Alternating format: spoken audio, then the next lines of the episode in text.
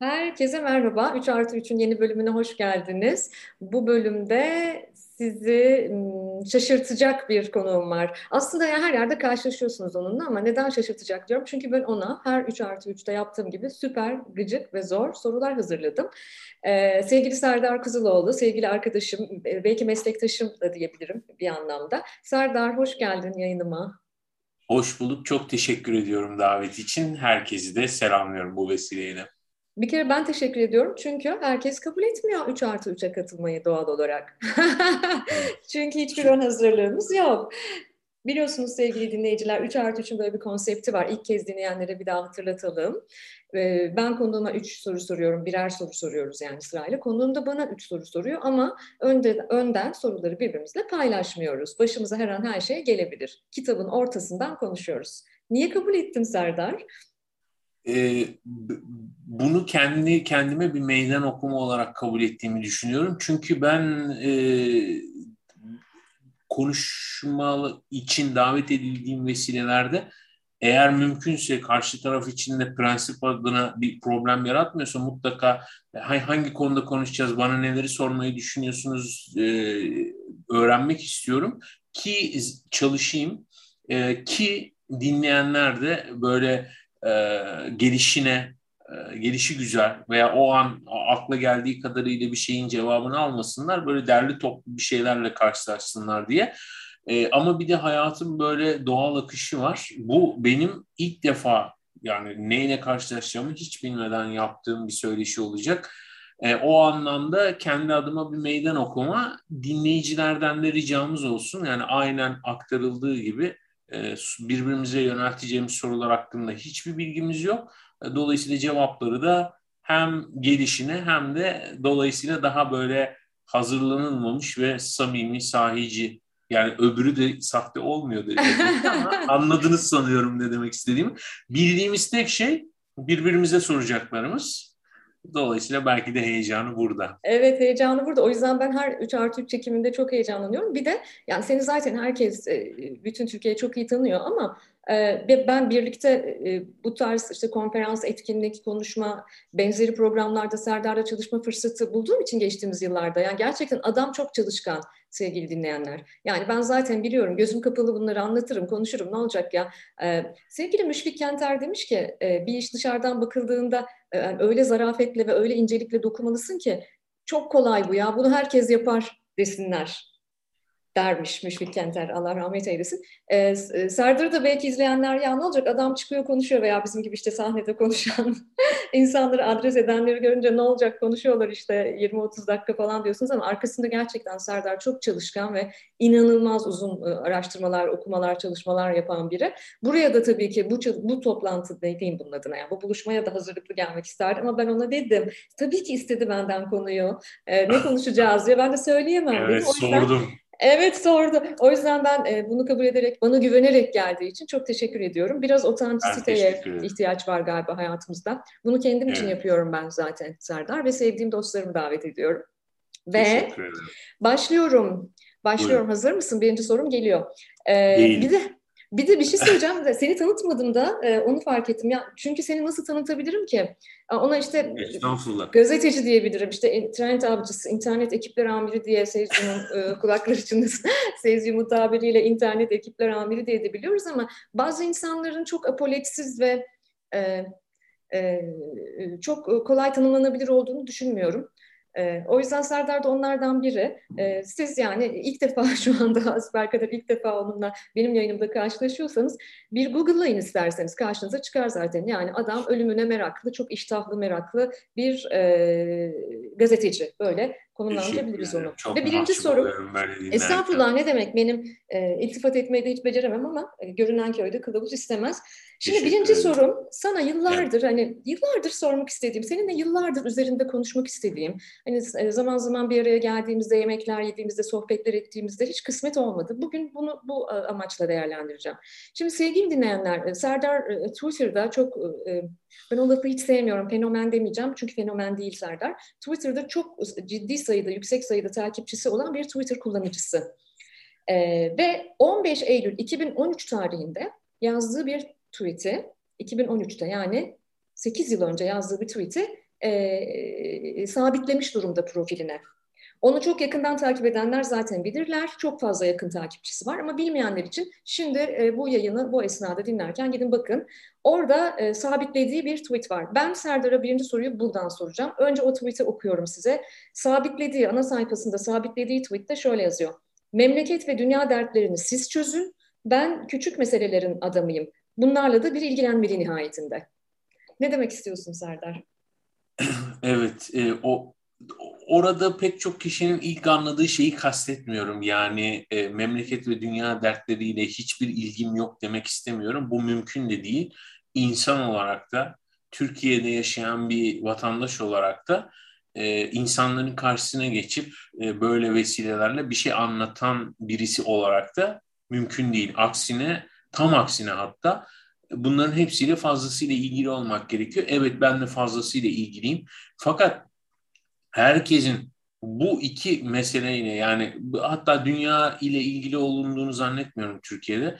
Türkiye meseleleri ile Türkiye meselelerinin de sadece siyaset kümesinde ve sadece birkaç parti ekseninde, birkaç söylem ekseninde bu kadar fazla ilgilenilmesi beni gerçekten rahatsız ediyor. Yani e, siyasetin Türkiye'de çok belirleyici olduğunu farkındayım. Futboldan finansa kadar aklımıza gelen her konuda işte otomobillerin camına film takılıp takılmayacağından e, işte böreklerde ne oranda hangi tür yağ kullanılacağına kadar bunu e, siyaset bir anlamda kendi aygıtlarıyla belirliyor. E, ki hani devlet ve hükümet ayrımının da çok soluklaştığı bir dönemde artık hani e, bayağı hani aktörlerin çok e, anlamının da kalmadığı bir şeyin olduğunun farkındayım.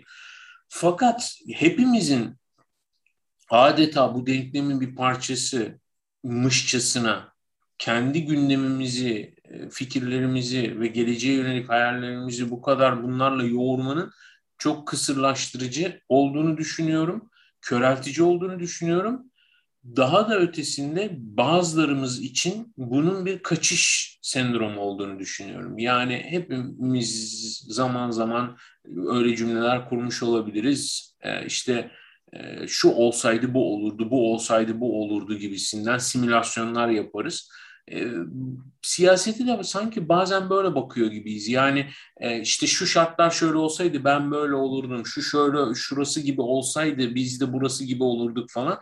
Bu kendi sorumluluğumuzu e, bir anlamda kendimizden öteleyen bir şeye de dönüşme ihtimaline sahip. Pek çok örnekte bunu görüyorum. Yani insanlar orada salık vermeye çalıştığım şey şu. Evet yani siyaset diye çok büyük bir makine var. Çok fazla şeyi etkiliyor. Ama nihayetinde de biz bir tane e, bize bahşedilmiş, kendi rızamız olmadan e, başlatılmış bir hayatın içindeyiz. Ne zaman biteceğini de bilmiyoruz. Bir tane yaşıyoruz.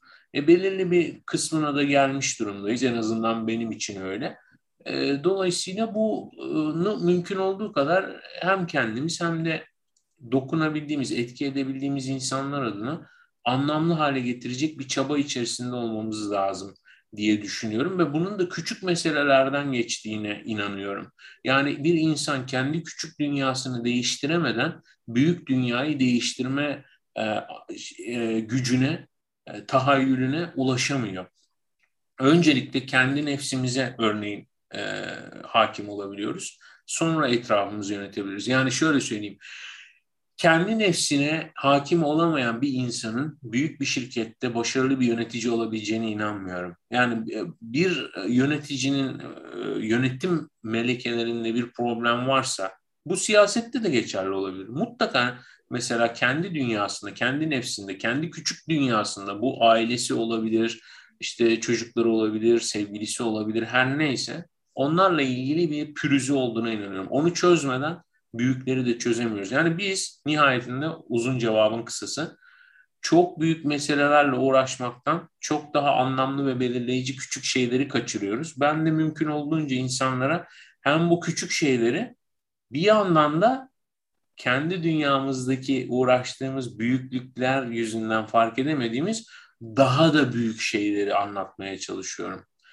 Özetle cevabım böyleydi. Yoksa yani nihayetinde şöyle de kapatayım, tamamlayayım.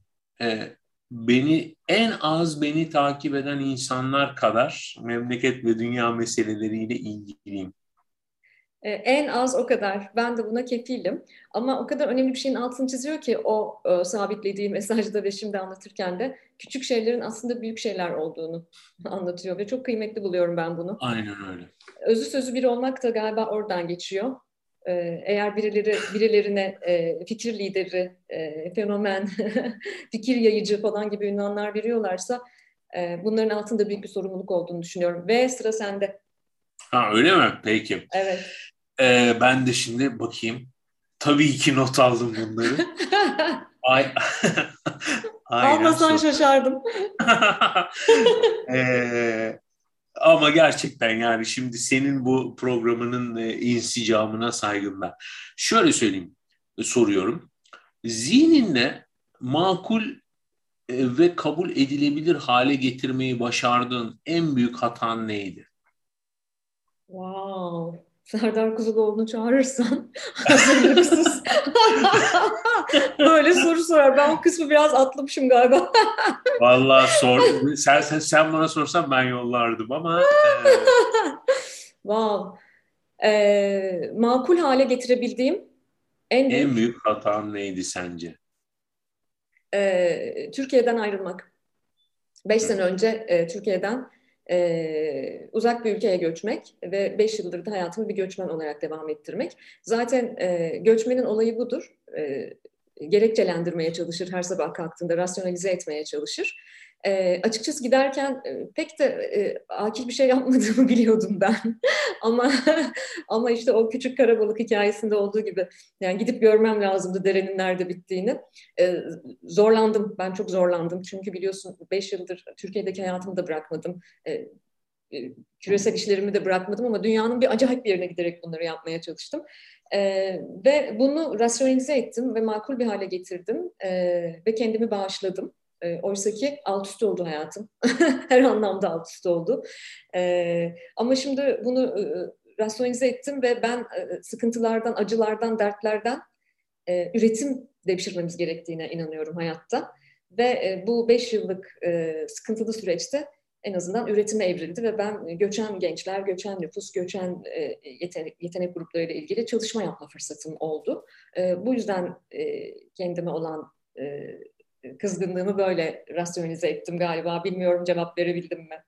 Gayet güzel. Yani damdan düşenin halinden en iyi damdan düşen anlar diyerek tam bir saha çalışması e, özverisiyle e, sizi anlıyorum diyerek. Bir de tabii bizi dinleyenlerin hepsi bilmiyor olabilir. Ee, yaşadığın ülke Kanada. Dolayısıyla hem coğrafi olarak hem de zaman dilimi olarak çok farklı.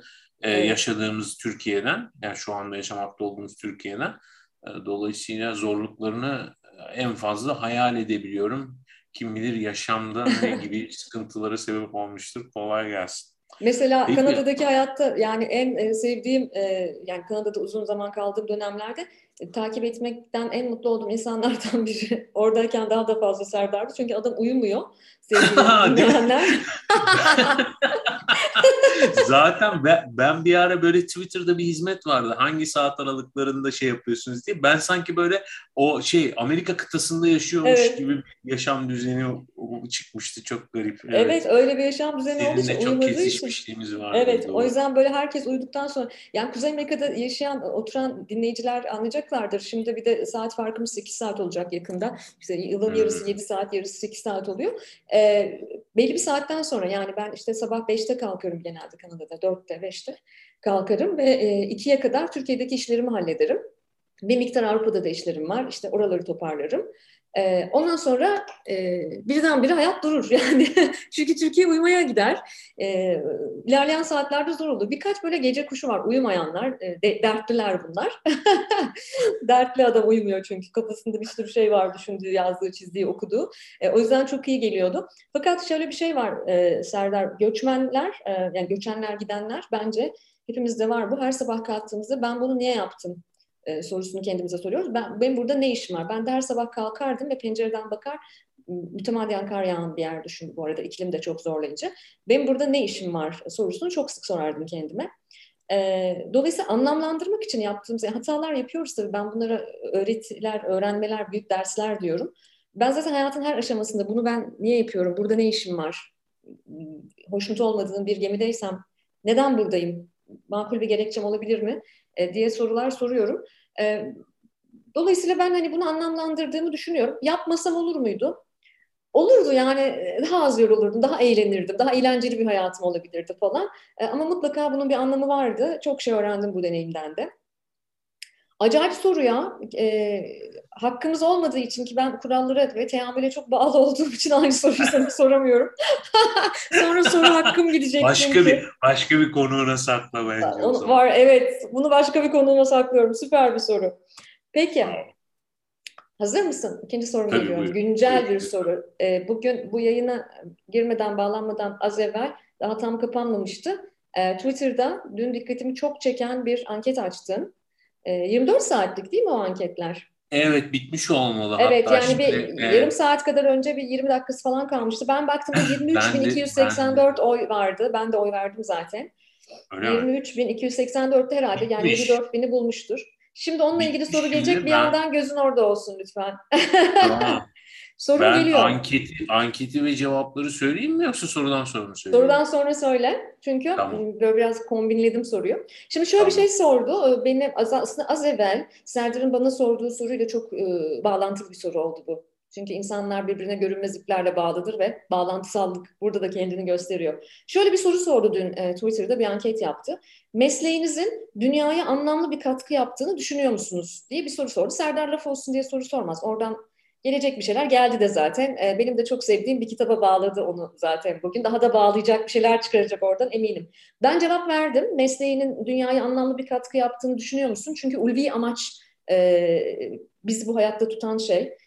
E, birincisi sorum şu, anket sonucu ne? E, peki sen mesleğinin dünyaya anlamlı bir katkı yaptığını düşünüyor musun? evet. ee, şimdi e, şöyle David Graeber'ın Bullshit Jobs diye bir makalesi yayınlandı. Ee, yanlış hatırlamıyorsam geçtiğimiz sene.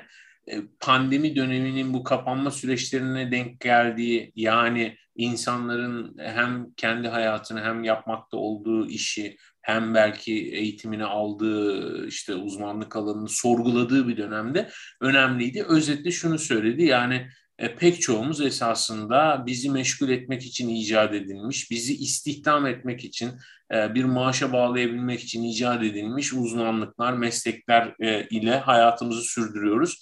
Ve kendimizi bu e, işte karma aslında o yabancılaşma teorisinde olduğu gibi kendimizi böyle hayatla, işimizle, yaptıklarımızla, müşterimizle, muhataplarımızla bir türlü e, eşleyememe problemi, yabancılaşma probleminin kökeninde bu gibisinden bir şey söylemişti. E, bu arada kitap Türkçe'ye de çevrilmiş bir e, takipçim e, belirtti. E, Tırışkadan İşler adıyla Türkçe'ye de çevrilmiş dinleyenler. Çok iyi olmuş. Gelmişler. Bunu evet hatırlatalım. Ee, Tırışkadan evet. İşler. Ben e, Bullshit Jobs'ı okudum. Graeber'ın büyük bir hayranıyım. Allah rahmet eylesin bu arada. Geçen sene Eylül'de e, kaybettik Graeber'ı. Evet. Muhteşem bir aktivist, anarşist e, sosyologtur. E, Türkçe'ye çevrilmesine bu arada çok sevindim. Bunu evet ben de bilmiyordum. Alalım. Ve yanlış hatırlamıyorsam sistem yayınları çevirmiş. Neyse ama bulabilirler. E, Tırışkadan İşler. Eee Kitabın içerisinde bir anket var. Ben de dün okumaya başladım. Önceki gün okumaya başladım.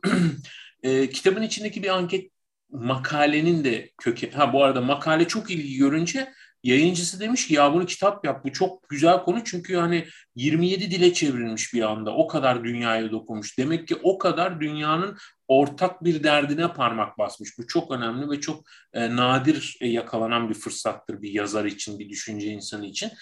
Ee, demek ki çoğumuz işimizle ilgili bir yabancılaşmaya sahibiz. Bunun ki içinde de bir anket var işte biraz önce senin de yönlendirdiğin gibi mesleğinizin dünyaya anlamlı bir katkı yaptığını düşünüyor musunuz? Ben de dedim ki ya okurken bir böyle ara verdim dur bir de ben sorayım dedim. Twitter'da ve LinkedIn'de sordum. Ee, çok enteresan. Şimdi Twitter'da 23.337 kişi cevaplamış ee, ve biraz önce tamamlanmış 24 saatlik bir anketti katılanların yüzde e, 54.8'i 54 diyelim yüzde 54'ü evet düşünüyorum demiş. Dünyaya anlamlı bir katkı yapıyor benim işim. Yüzde 45'i hayır demiş. Şimdi wow. burada evet daha fazla çıktı diye düşünmeyelim. Şöyle düşünelim yüzde 45'i insanların yaptığı işin dünyaya anlamlı bir katkı yaptığına inanmıyor. Ee, bu bir cebimizde dursun. Aynı şeyi e, dünyaya anlamlı katkı yaptığını düşünen veya anlamlı katkı yapacağını düşündüğü için kendisini temsil eden insanların bulunduğu LinkedIn'de gerçekleştirdim. LinkedIn'de de çok önemliydi çünkü bu fark. Bak şimdi de ortaya çıkacak. LinkedIn'de de tam 22 bin 700 oy verilmiş. Daha hala bitmesine 2 gün var. LinkedIn 3 günlük en kısa anket yapıyor. %70'i evet demiş, %30'u hayır demiş. Bu tabii çok beklenen bir sonuç LinkedIn'e wow. göre. Şimdi bu bunu bir kenara koyalım. Soruya gelelim. Anket böyleydi. Ee, Türkiye'de en azından benim dokunabildiğim insanların sonuçları böyle olmuş. Kişisel olarak şöyle söyleyeyim. Ya ben çocukken e, merakımdan okuma yazmayı öğrendim. Çünkü şöyle bir parantez açayım. Etrafımda sonradan harf ve rakam olduğunu anlayacağım semboller vardı. Bazı insanlar etrafımdaki bunları anlamlandırabiliyordu. Ben anlamlandıramıyordum. Yani etrafımdaki her şeye bir anlam verebiliyordum. Bu soba, bu, bu masa, bu sandalye, bu erkek, bu kadın. Ama burada bir şey var buna anlam veremiyorum ve birileri bunu tak diye görür görmez bir şey söylüyor. Ve çok işe yarıyor bunlar. Ve ben de o benim çocukluğumda çok yaygın olan banklar, sokaklarda çok bank vardı. Artık eskisi kadar yok. Ve belki de etimolojik kökeninden yola çıkarak ve isim benzerliğinden dolayı bankalar o banklara sponsor olurdu. Ve her bankın üstünde şimdi belediyelerin isimleri yazıyor. Her bankın üstünde banka ismi yazardı. İşte Osmanlı Bankası, Emlak Kredi Bankası falan gibi. Ben de onları okuturdum. Onları okutu okutu okuma yazmayı öğrendim. Okuma yazmayı öğrendikten sonra bir fark ettim ki okunacak çok şey var. Sonra da bunlar yazılabilirler. Ve ben e, elime geçen her şeyi ama kese kağıdının e, katlandığı gazetenin üstünde yazandan işte bir diş hekiminin tabelasındaki telefon numarasına kadar her şeyi okumaya çalıştım. Ve otomatik olarak neden olduğunu bilmiyorum. otomatik olarak ben öğrendiklerimi insanlara aktarma gibi bir sorumluluk hissettim. Ve oturdum e, o zamanlar eve gelen gazetelere benzeyen şekilde elimle A4 kağıda gazete yazmaya başladım ve evdekileri okuyorum. Keşke de bir tanesi bugüne ulaşmış olsaydı. Çok üzülüyorum. Ee, ve sonrasında baktım ki ya bunu evdekileri okumam yetmez. Bunu konuya komşuya dağıtmam lazım ama elle çoğaltmak çok zor. Hafta sonları annemin iş yerine gidip teksir makinesi diye bir ilkel evet. bir fotokopi makinesi vardı elle çalışan. Onunla çoğaltıp mahallede dağıtırdım. E, benim bütün hayatım böyle geçti. Yani bir şey öğrendim geldim okulda arkadaşlara, sınıfta arkadaşlara anlatmaya çalıştım. İşte elime geçen her fırsatta insanların karşısına geçip ya şöyle bir şey var bak çok ilginç sizi de şöyle ilgilendirebilir demeye başladım. Bu yüzden de tabii ki doğal olarak bütün hayatım boyunca ben medya da o zaman basın da adı tabii basında rol almak istedim. Görev almak istedim. Çünkü basın bildiklerini, öğrendiklerini insanlara aktarabilmek için muhteşem bir kaldıraç, bir megafon idi. Ee, sonra internet çıktı. Tabii benim nasıl büyük bir haz aldığımı tahmin edebilir bu cümleyi e, gidişatını takip edenler. Dolayısıyla ben samimi olarak başarıyorum, başaramıyorum ayrı. İyi yapıyorum, kötü yapıyorum ayrı. Bunlar subjektif. Ama samimiyetle söylüyorum elimden geldiğinin en iyisi olacak şekilde her bir detayına özenerek insanlara faydalı olabilecek bir şeyler bulmayı ve aktarmayı çalışıyorum. Yani gayretim bunun üzerine. Ve ne fırsatta olursa olsun. Yani bu bir sahneye çıkıp bir şey konuşma olabilir, bir web sitesinde bir şey yazmak olabilir, bir bülten hazırlamak olabilir, bir podcast olabilir aklım fikrim neye yetiyorsa e, insanlara faydalı olabilecek bir şeyler üretmeye çalışıyorum. Ve elimdeki kaynakları o yüzden mümkün olduğunca faydasız şeyler için kullanmamaya gayret ediyorum. Elimden geldiğince tabii. E, dolayısıyla ben şahsen e, bütün bu çabamın içerisinde soruya, anket sorusuna ve senin soruna gelirsek, bütün bu çabamın içerisinde ki samimi gayretim sonucunda belki yüzde yüz olmasa bile hatırı sayılır bir miktarda e, dokunabildiğim insanlardan oluşan dünyaya faydalı olduğumu düşünüyorum. Bu konuda vicdanım rahat. Daha iyi olabilir miydi? Şüphesiz. Onun için de gayret ediyorum. Ben de öyle düşünüyorum. Yani sen anketi ben yapsaydım sen de evet tıklardın diye düşünüyorum. ben kendi anketim olduğu için cevap vermedim ama burada evet. vermiş oluyorum. Evet, evet diyorum. Evet. Çok güzel. Harika. Peki. O zaman sıra sende. Aa, şimdi sıra bende. Evet. evet. Ya şimdi tabii bu sorun biraz önceki cevabınla birazcık çakıştı mı desem, tamamlama fırsatı mı sunuyor desem sen karar ver. Sorum şu, kendi işini en iyi başka hangi ülkede yapabilirdin? Vay. Aa, şu anda yaptığım işi en iyi hı hı. hangi ülkede yapabilirdim? Um, samimiyetimle kemiksiz bir cevap vereceğim. Türkiye'de veya Türkiye gibi gelişmekte olan bir ekonomide. Çünkü e, ben bir gençlik araştırmacısıyım bilhassa. Gen, gençlik üzerine çalışıyorum ve ben gençliğin meselesi olan meselesi olan bir ülkede daha verimli, daha etkin e, bir etki yaratacak bir çalışma yapabilirdim ve bunun da Türkiye olduğunu gördüm. Dünyanın 61 ülkesinde gençlik araştırmaları yapan bir yapının parçasıyım. Son 5 senedir Kanada'da yaşıyorum. Ee, araştırma merkezimiz İsveç'te, Stockholm'de. Dolayısıyla büyük e, küresel fotoğrafı görüyorum ve hiçbir ülkeden gelen data, hiçbir yer, hiçbir şey beni bizim coğrafyamız kadar heyecanlandırmıyor. O yüzden de zaten yani bu coğrafyayı bilerek yorumlayabildiğin evet. için mi? Evet. Öyle. Yoksa hani ha. Yani e, çünkü hani çok küresel bir yapının içerisindeyim ve Türkiye e, gördüğüm kadarıyla bizim İskandinav merkezli e, e, iş ortaklarımızı da herkesi de çok heyecanlandırıyor ve e, bu kadar ekonomik e, e, e iniş çıkışlarına rağmen ve belirsizliklerine ve stabil olmayan durumlara rağmen e, 9 yıldır küresel araştırmanın en önemli ülkelerinden birinin Türkiye olduğunu düşünüyorum. Bu ben mükemmel işimi yaptığım için, çok iyi bir ülke liderliği yaptığım için değil.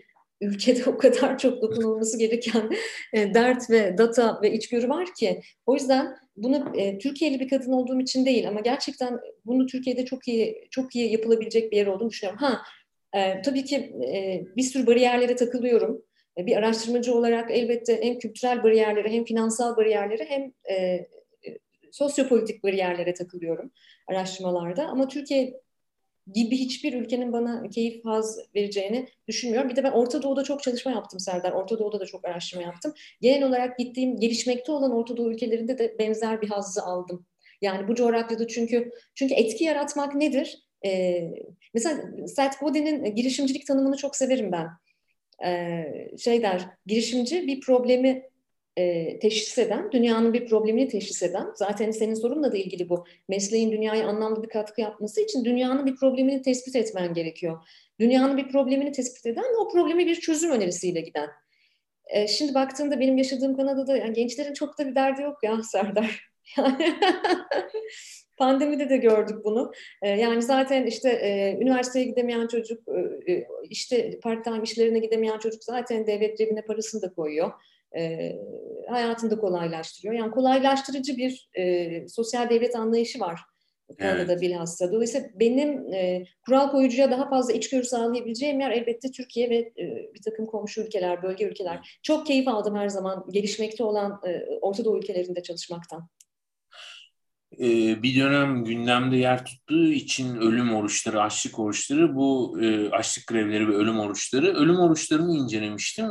Çok enteresan bir detay vardı içerisinde. E, tabii hekimlerin çok daha iyi bildiği üzere e, vücudun orkestra şefi beyin ve e, vücut e, yaşamsal fonksiyonlarını idare edemeyeceği duruma geldikçe beyin en uzak ve en gereksiz gördüğü organlardan, uzuvlardan başlayarak feda etmeye başlıyor.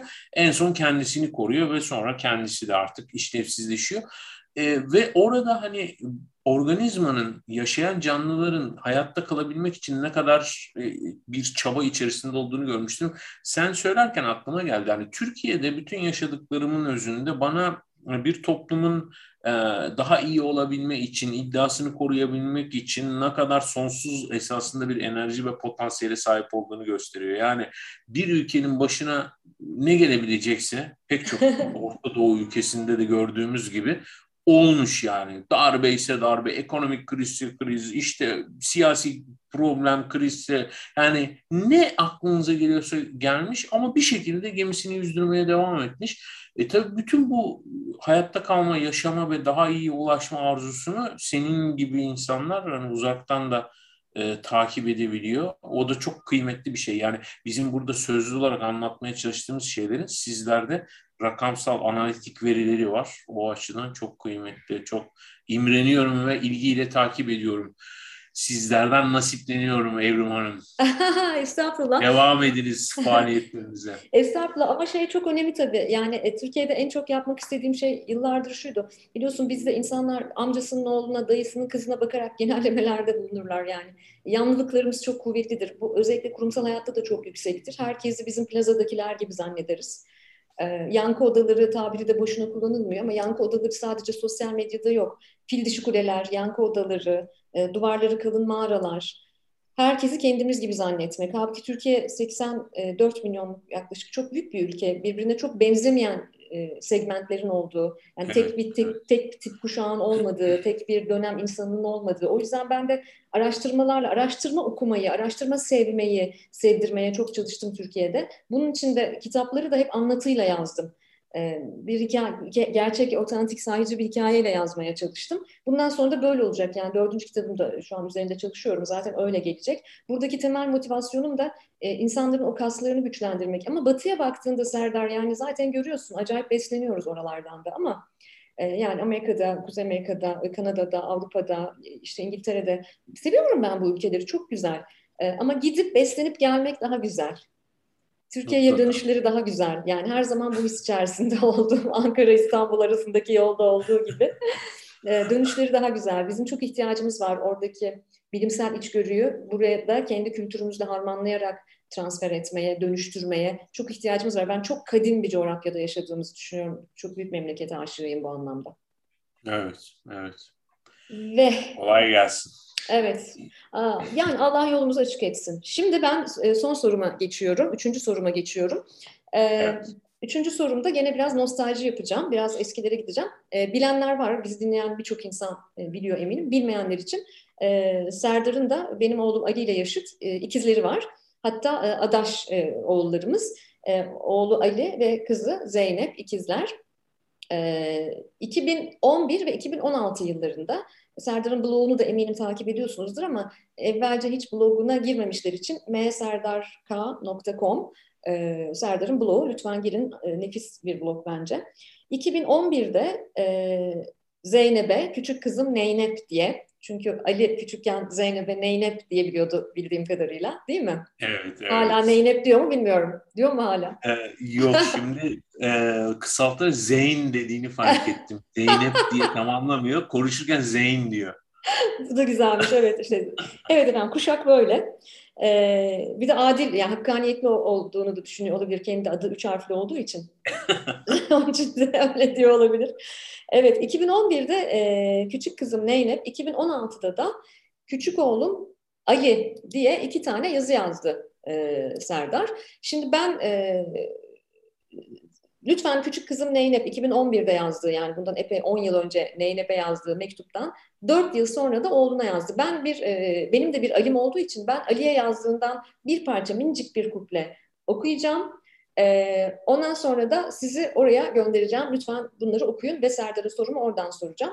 Ee, Ali'ye yazdığı mektubun bir bölümünde diyor ki Serdar, insanoğlu riyakardır Ali. Söylediğiyle yaptığı, sorduğuyla beklediği birbirini nadiren tutar. Etrafında dürüstlükten, doğruluktan, ahlaktan, namustan dem vuranlar eksik olmayacak bir insanın dilinde en çok ne yer etmişse ondan yoksundur. Bunu zamanla öğreneceksin. Namustan bahsedip namussuzlara, ahlaktan bahsedip ahlaksızlara secde eden, kapısında el açan o erdem simsarlarını görünce şaşıracaksın. Şaşırmayı sakın bırakma oğlum. Bıraktığın gün onlara dönüşürsün diye bir bölümü var e, blogda Ali'ye yazdığı yazıda. Bu benim çok hoşuma gidiyor. E, ben de bir süre önce hayata şaşırma kulplarından tutunur insan diye bir yazı yazmıştım e, kendi oğluma ithafen. Yani ben de Ali'ye hep şaşırma, hep bir gün e, şaşırmayı bırakmamasını çok e, önemsiyorum. Şimdi ben bu soruyu e, bütün Z kuşakları adına ya da 2000'den sonra doğmuş bizim çocuklarımız ve Türkiye'de bizim çocuklarımız da yaşadı 25 milyon genç arkadaşımız adına bu soruyu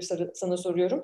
Ee, Zeynep'e de önerilerin var, Ali'ye de işte e, çok çok derin konularda e, başarı, para vesaire bütün bunları tanımlayan şeyler söylemişsin ama birini 2011'de yazmışsın, birini 2016'da. Üzerimizden tır geçmiş, birinin üzerinden 10 yıl geçmiş, birinin üzerinden 5 yıl geçmiş. Ee, bir pandemi geçmiş, hayat daha da zorlaşmış. Türkiye'de yaşamak daha da zorlaşmış. Hatta dünyada da aynı şekilde ama Türkiye'de biraz daha zor. Bugün bir mektup yazsam ikisine birden orada olmayan ekleyeceğin bir şey olur muydu? Evet, bayağı e, zor bir soru oldu. e, şimdi o o iki yazı çok fazla okunuyor. E, evet. Bana da sağ olsun e, okurlar e, altına yorum yaparken bana bildirim geliyor. Bana da hatırlatıyorlar. Tabii çok şimdi A'dan Z'ye detaylarına hakim olmamakla birlikte e, bir düşünüyorum yani. Şöyle o, o iki yazının e, öyküsünü de birazcık şey yapmak isterim. Hani zamanla neden daha fazla anlam kazandı? E, yaptığımız işin bir bölümünde insanlar bizim bilgilerimizden faydalanma adına bizi çeşitli etkinliklere davet ediyorlar ve sen de ben de işte sayısı değişen kişiler karşısında e, bu fikirlerimizi aktarıyoruz. Sevdiğim ve her gün biraz daha böyle anlamlı hale gelen e, kendi hayatımda bir söz var. Diyor ki kimse kendi köyünde peygamber olamaz diyor.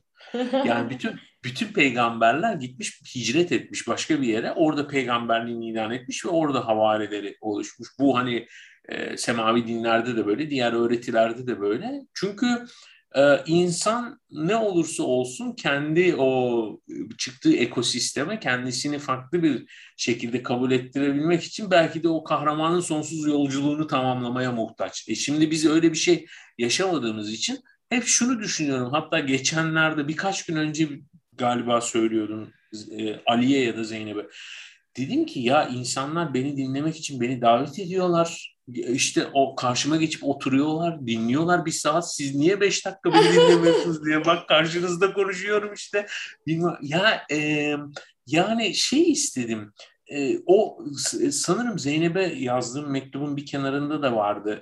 Yani bunları hep düşüneceğim ama muhtemelen hiçbir zaman sana bu kadar netlikle ve samimiyetle evet. ve korkusuzca söyleyemeyeceğim. Ama sen ben söyleyemesem bile senin hakkında bunları düşündüğümü ve senin için bunları e, böyle hatırlatmak istediğimi hep hatırla dedim. Yani e, hayat büyük bir koşturmaca. Hepimiz farkındayız. Hani meşhur bir denklem var, e, daha doğrusu bir önerme vardır. Hani bu filozofların nasıl yaşamı binlerce sene öncesinde bu kadar iyi okuyabilip bu kadar iyi teşhisler koyabildiğine dair pek de üstünde durulmayan bir cevabı aslında filozofların bunlar için e, o dönemde dahi çok büyük servetleri, e, zaman ve para servetleri vardı. Ve onlar adına yaşamın telaşını üstlenecek insanlar vardı. Yani hiçbiri vatan savunması derdine düşmedi, hasat derdine düşmedi e, veya evliliğinin e, iyi bir şekilde devam etmesi stresini yaşamadı ve onlar e, bütün bunlardan azade kaldığı için insanın o iç huzursuzluğundan doğan merakla e, başladılar daha büyük meseleleri düşünmeye ya da daha küçük meseleleri düşünmeye ve bize felsefeyi hediye ettiler. E, biz de yaşam telaşımızda hani çok e, fikrimiz var belki, çok söylemek istediğimiz şey var ama ortamı olmuyor. Yani e, oğlunu kızını karşına oturtup bir şey söyleyemiyorsun. Eşinle e, sevgilinle konuşamıyorsun, annen babanla konuşamıyorsun. Konuşmak istediğin bir sürü şey var ama senin vaktin geldiğinde onlar uygun olmuyor. O yüzden bu yazılı belgelerin çok kıymetli olduğuna inanıyorum. E, dolayısıyla o iki mektubu da hani hangi yaşta açar okurlarsa e, o kadar e, anlamlı olsun, anlamını korumaya devam etsin diye yazdım. Çünkü yine blogumda belki ilgili yazılarda çıkar. e, dayımdan bir mektup diye bir başlık vardı galiba. Benim hayatımı değiştiren dayımdan aldığım bir mektuptur evet. ve hayatımı böyle çok birazcık da artık e, isyanla inat yüzünden, hayatla inatlaşma yüzünden kötü bir noktaya doğru ilerletirken dayım kendi yaşadığı tecrübeleri de katarak daha doğrusu şöyle söyleyeyim kronolojik olarak dayım beni anladığını söyleyerek ve kendi hayatında benim gibi yaşadığı dönemde başına gelenleri anlatarak e, beni ikna etmiştir bir mektupla hani iki sayfa bir mektupla e, ve benim hayatımı değiştirmiştir.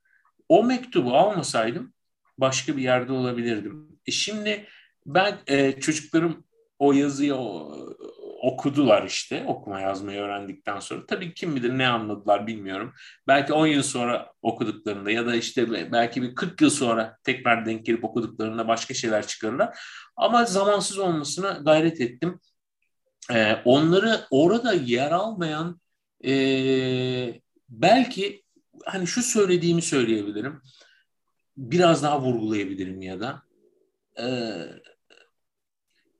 nasıl anlatayım? Bu yaşamın e, telaşı e, yüzünden e, vaktimizin, enerjimizin, zihnimizin, maddi ve manevi kaynaklarımızın büyük bir bölümünü harcadığımız meseleler e, esasında bizim e, için en önemli meselelerden çalınmış kaynaklar. Bunu söylemek isterdim. Yani işte en basitinden şöyle düşünün. İşte hepimiz bir hayat telaşı içerisinde belirli bir e, işte e, maddi kazanım elde etmek için çalışıyoruz. Bunun özünde ne var? Örneğin ben e, çocuk, çocuk sahibi bir e, aile e, babası, üyesi olarak nihayetinde benim derdim çocuklarım iyi bir yaşam sürsünler. Ama belki benim çocuklarımın iyi bir yaşamdan anladığı iyi bir okul, iyi bir ayakkabı, e, işte PlayStation 5 olmayabilir.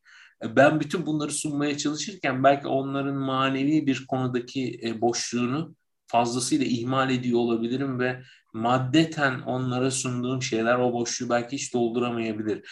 Ama işte hayatta her zaman hepimizin eline bütün bunları düşünecek ve e, hakkıyla tartacak kadar e, zaman, zemin sunulmuyor. Yani bazen insan iyilik yapmaya çalışırken kötülük yapıyor.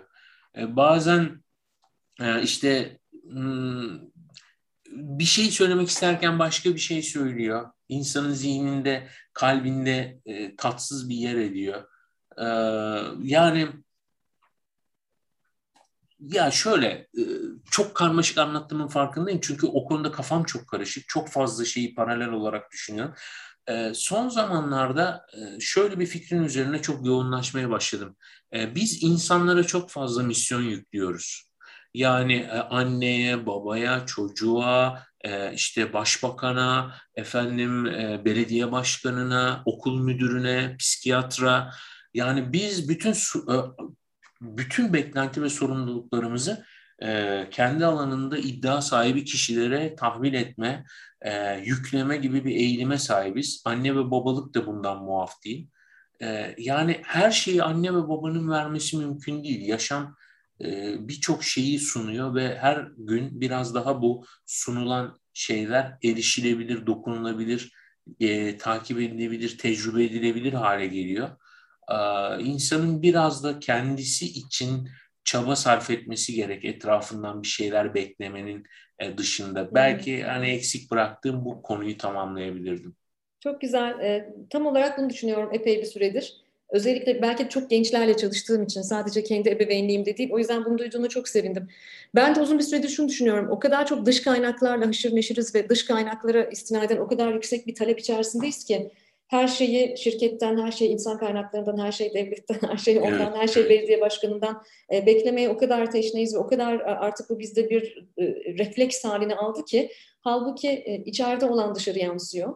Dış kaynaklara bu kadar bağımlı hale gelmemizin e, özellikle gençlerimizin de biraz o miktarda gelmesinin riskli olduğunu düşünüyorum ben de ve keşke bir e, bir yöntemi olsa da iç kaynaklara daha hızlı yönlendirebilsek, iç kaynaklarla ilgili daha fazla çalışabilsek.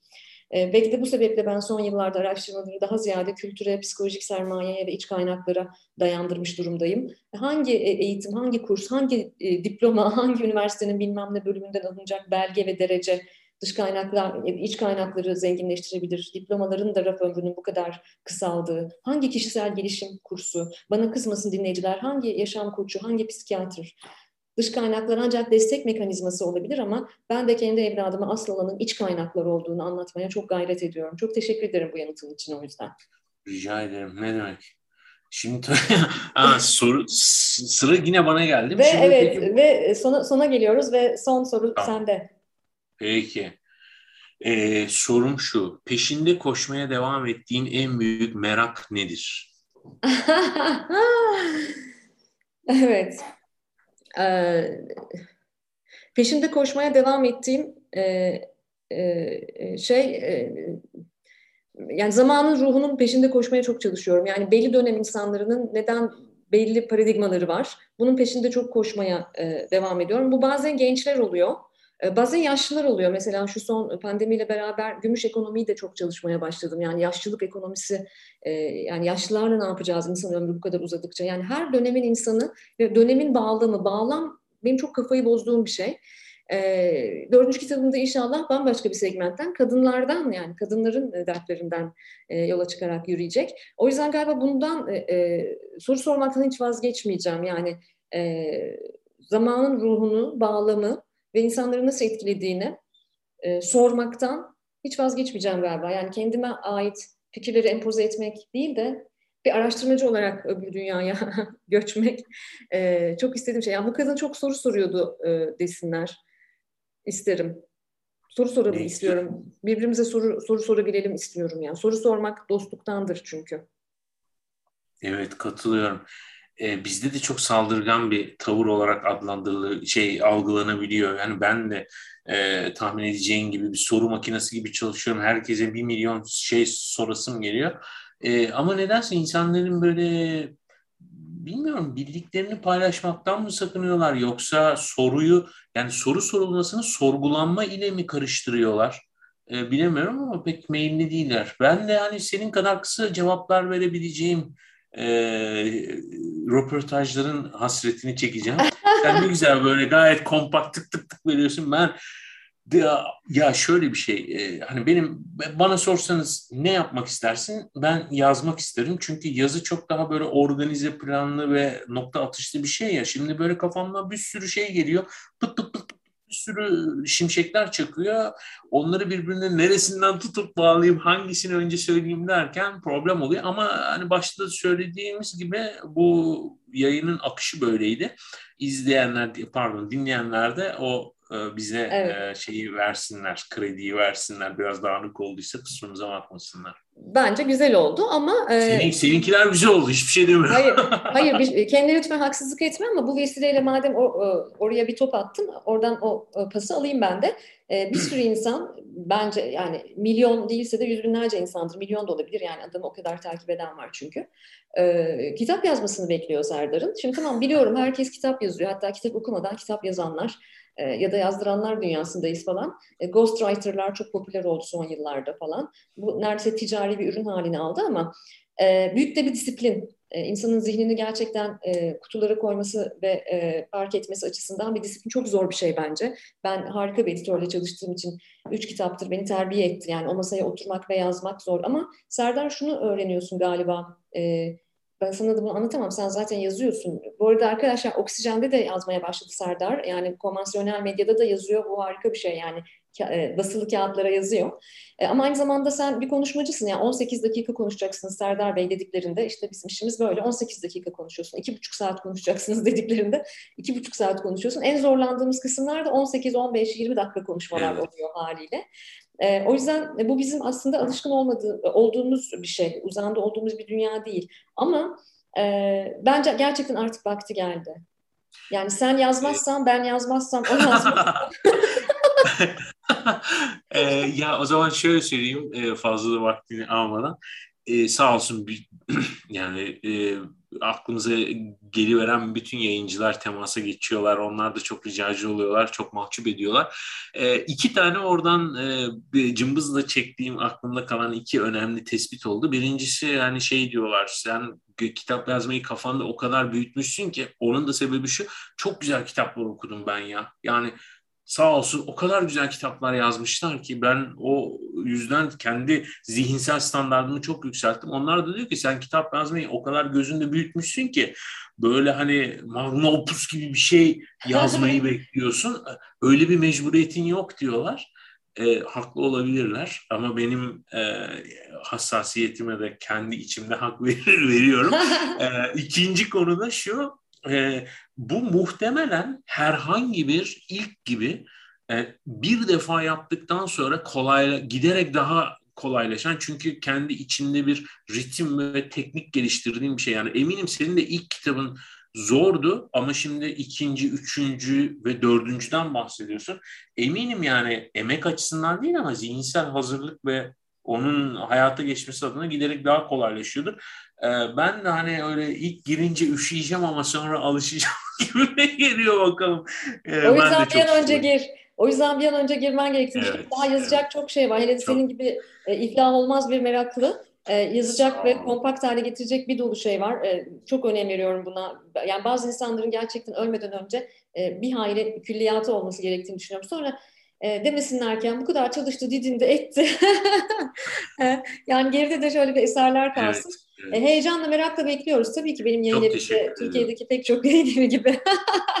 çok Serdar da çalışmayı çok arzu ederek bekliyor. Onu biliyorum yani. İnşallah evet, e, sağ olsunlar. birçok alanda rastlaşıyoruz. E, kısmen meslektaş olduğumuzu söyleyebiliriz. Söyleyebilirim Serdar'la. Ben her zaman seninle çalışmaktan çok keyif aldım. Sahiciliğinden, çalışkanlığından, tutkulu bir meraklı olmandan her zaman ilham alıyorum.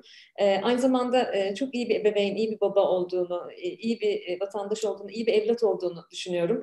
Ve bence bu her şeyden ama her şeyden daha önemli. Bunun için de sana çok teşekkür ediyorum. İyi ki yayınıma geldin. Sağ ol, ben teşekkür ediyorum. Bütün dinleyicileri de tekrar sevgi, saygıyla selamlıyorum. Artık sürçülisan ettiysek affola. E, olabildiğine samimi ve e, doğaçlama bir sohbetti. E, çok keyif aldım. Kendimle biraz daha yüzleştim. Teşekkür ederim. Selamlar. Ben teşekkür ederim Serdar.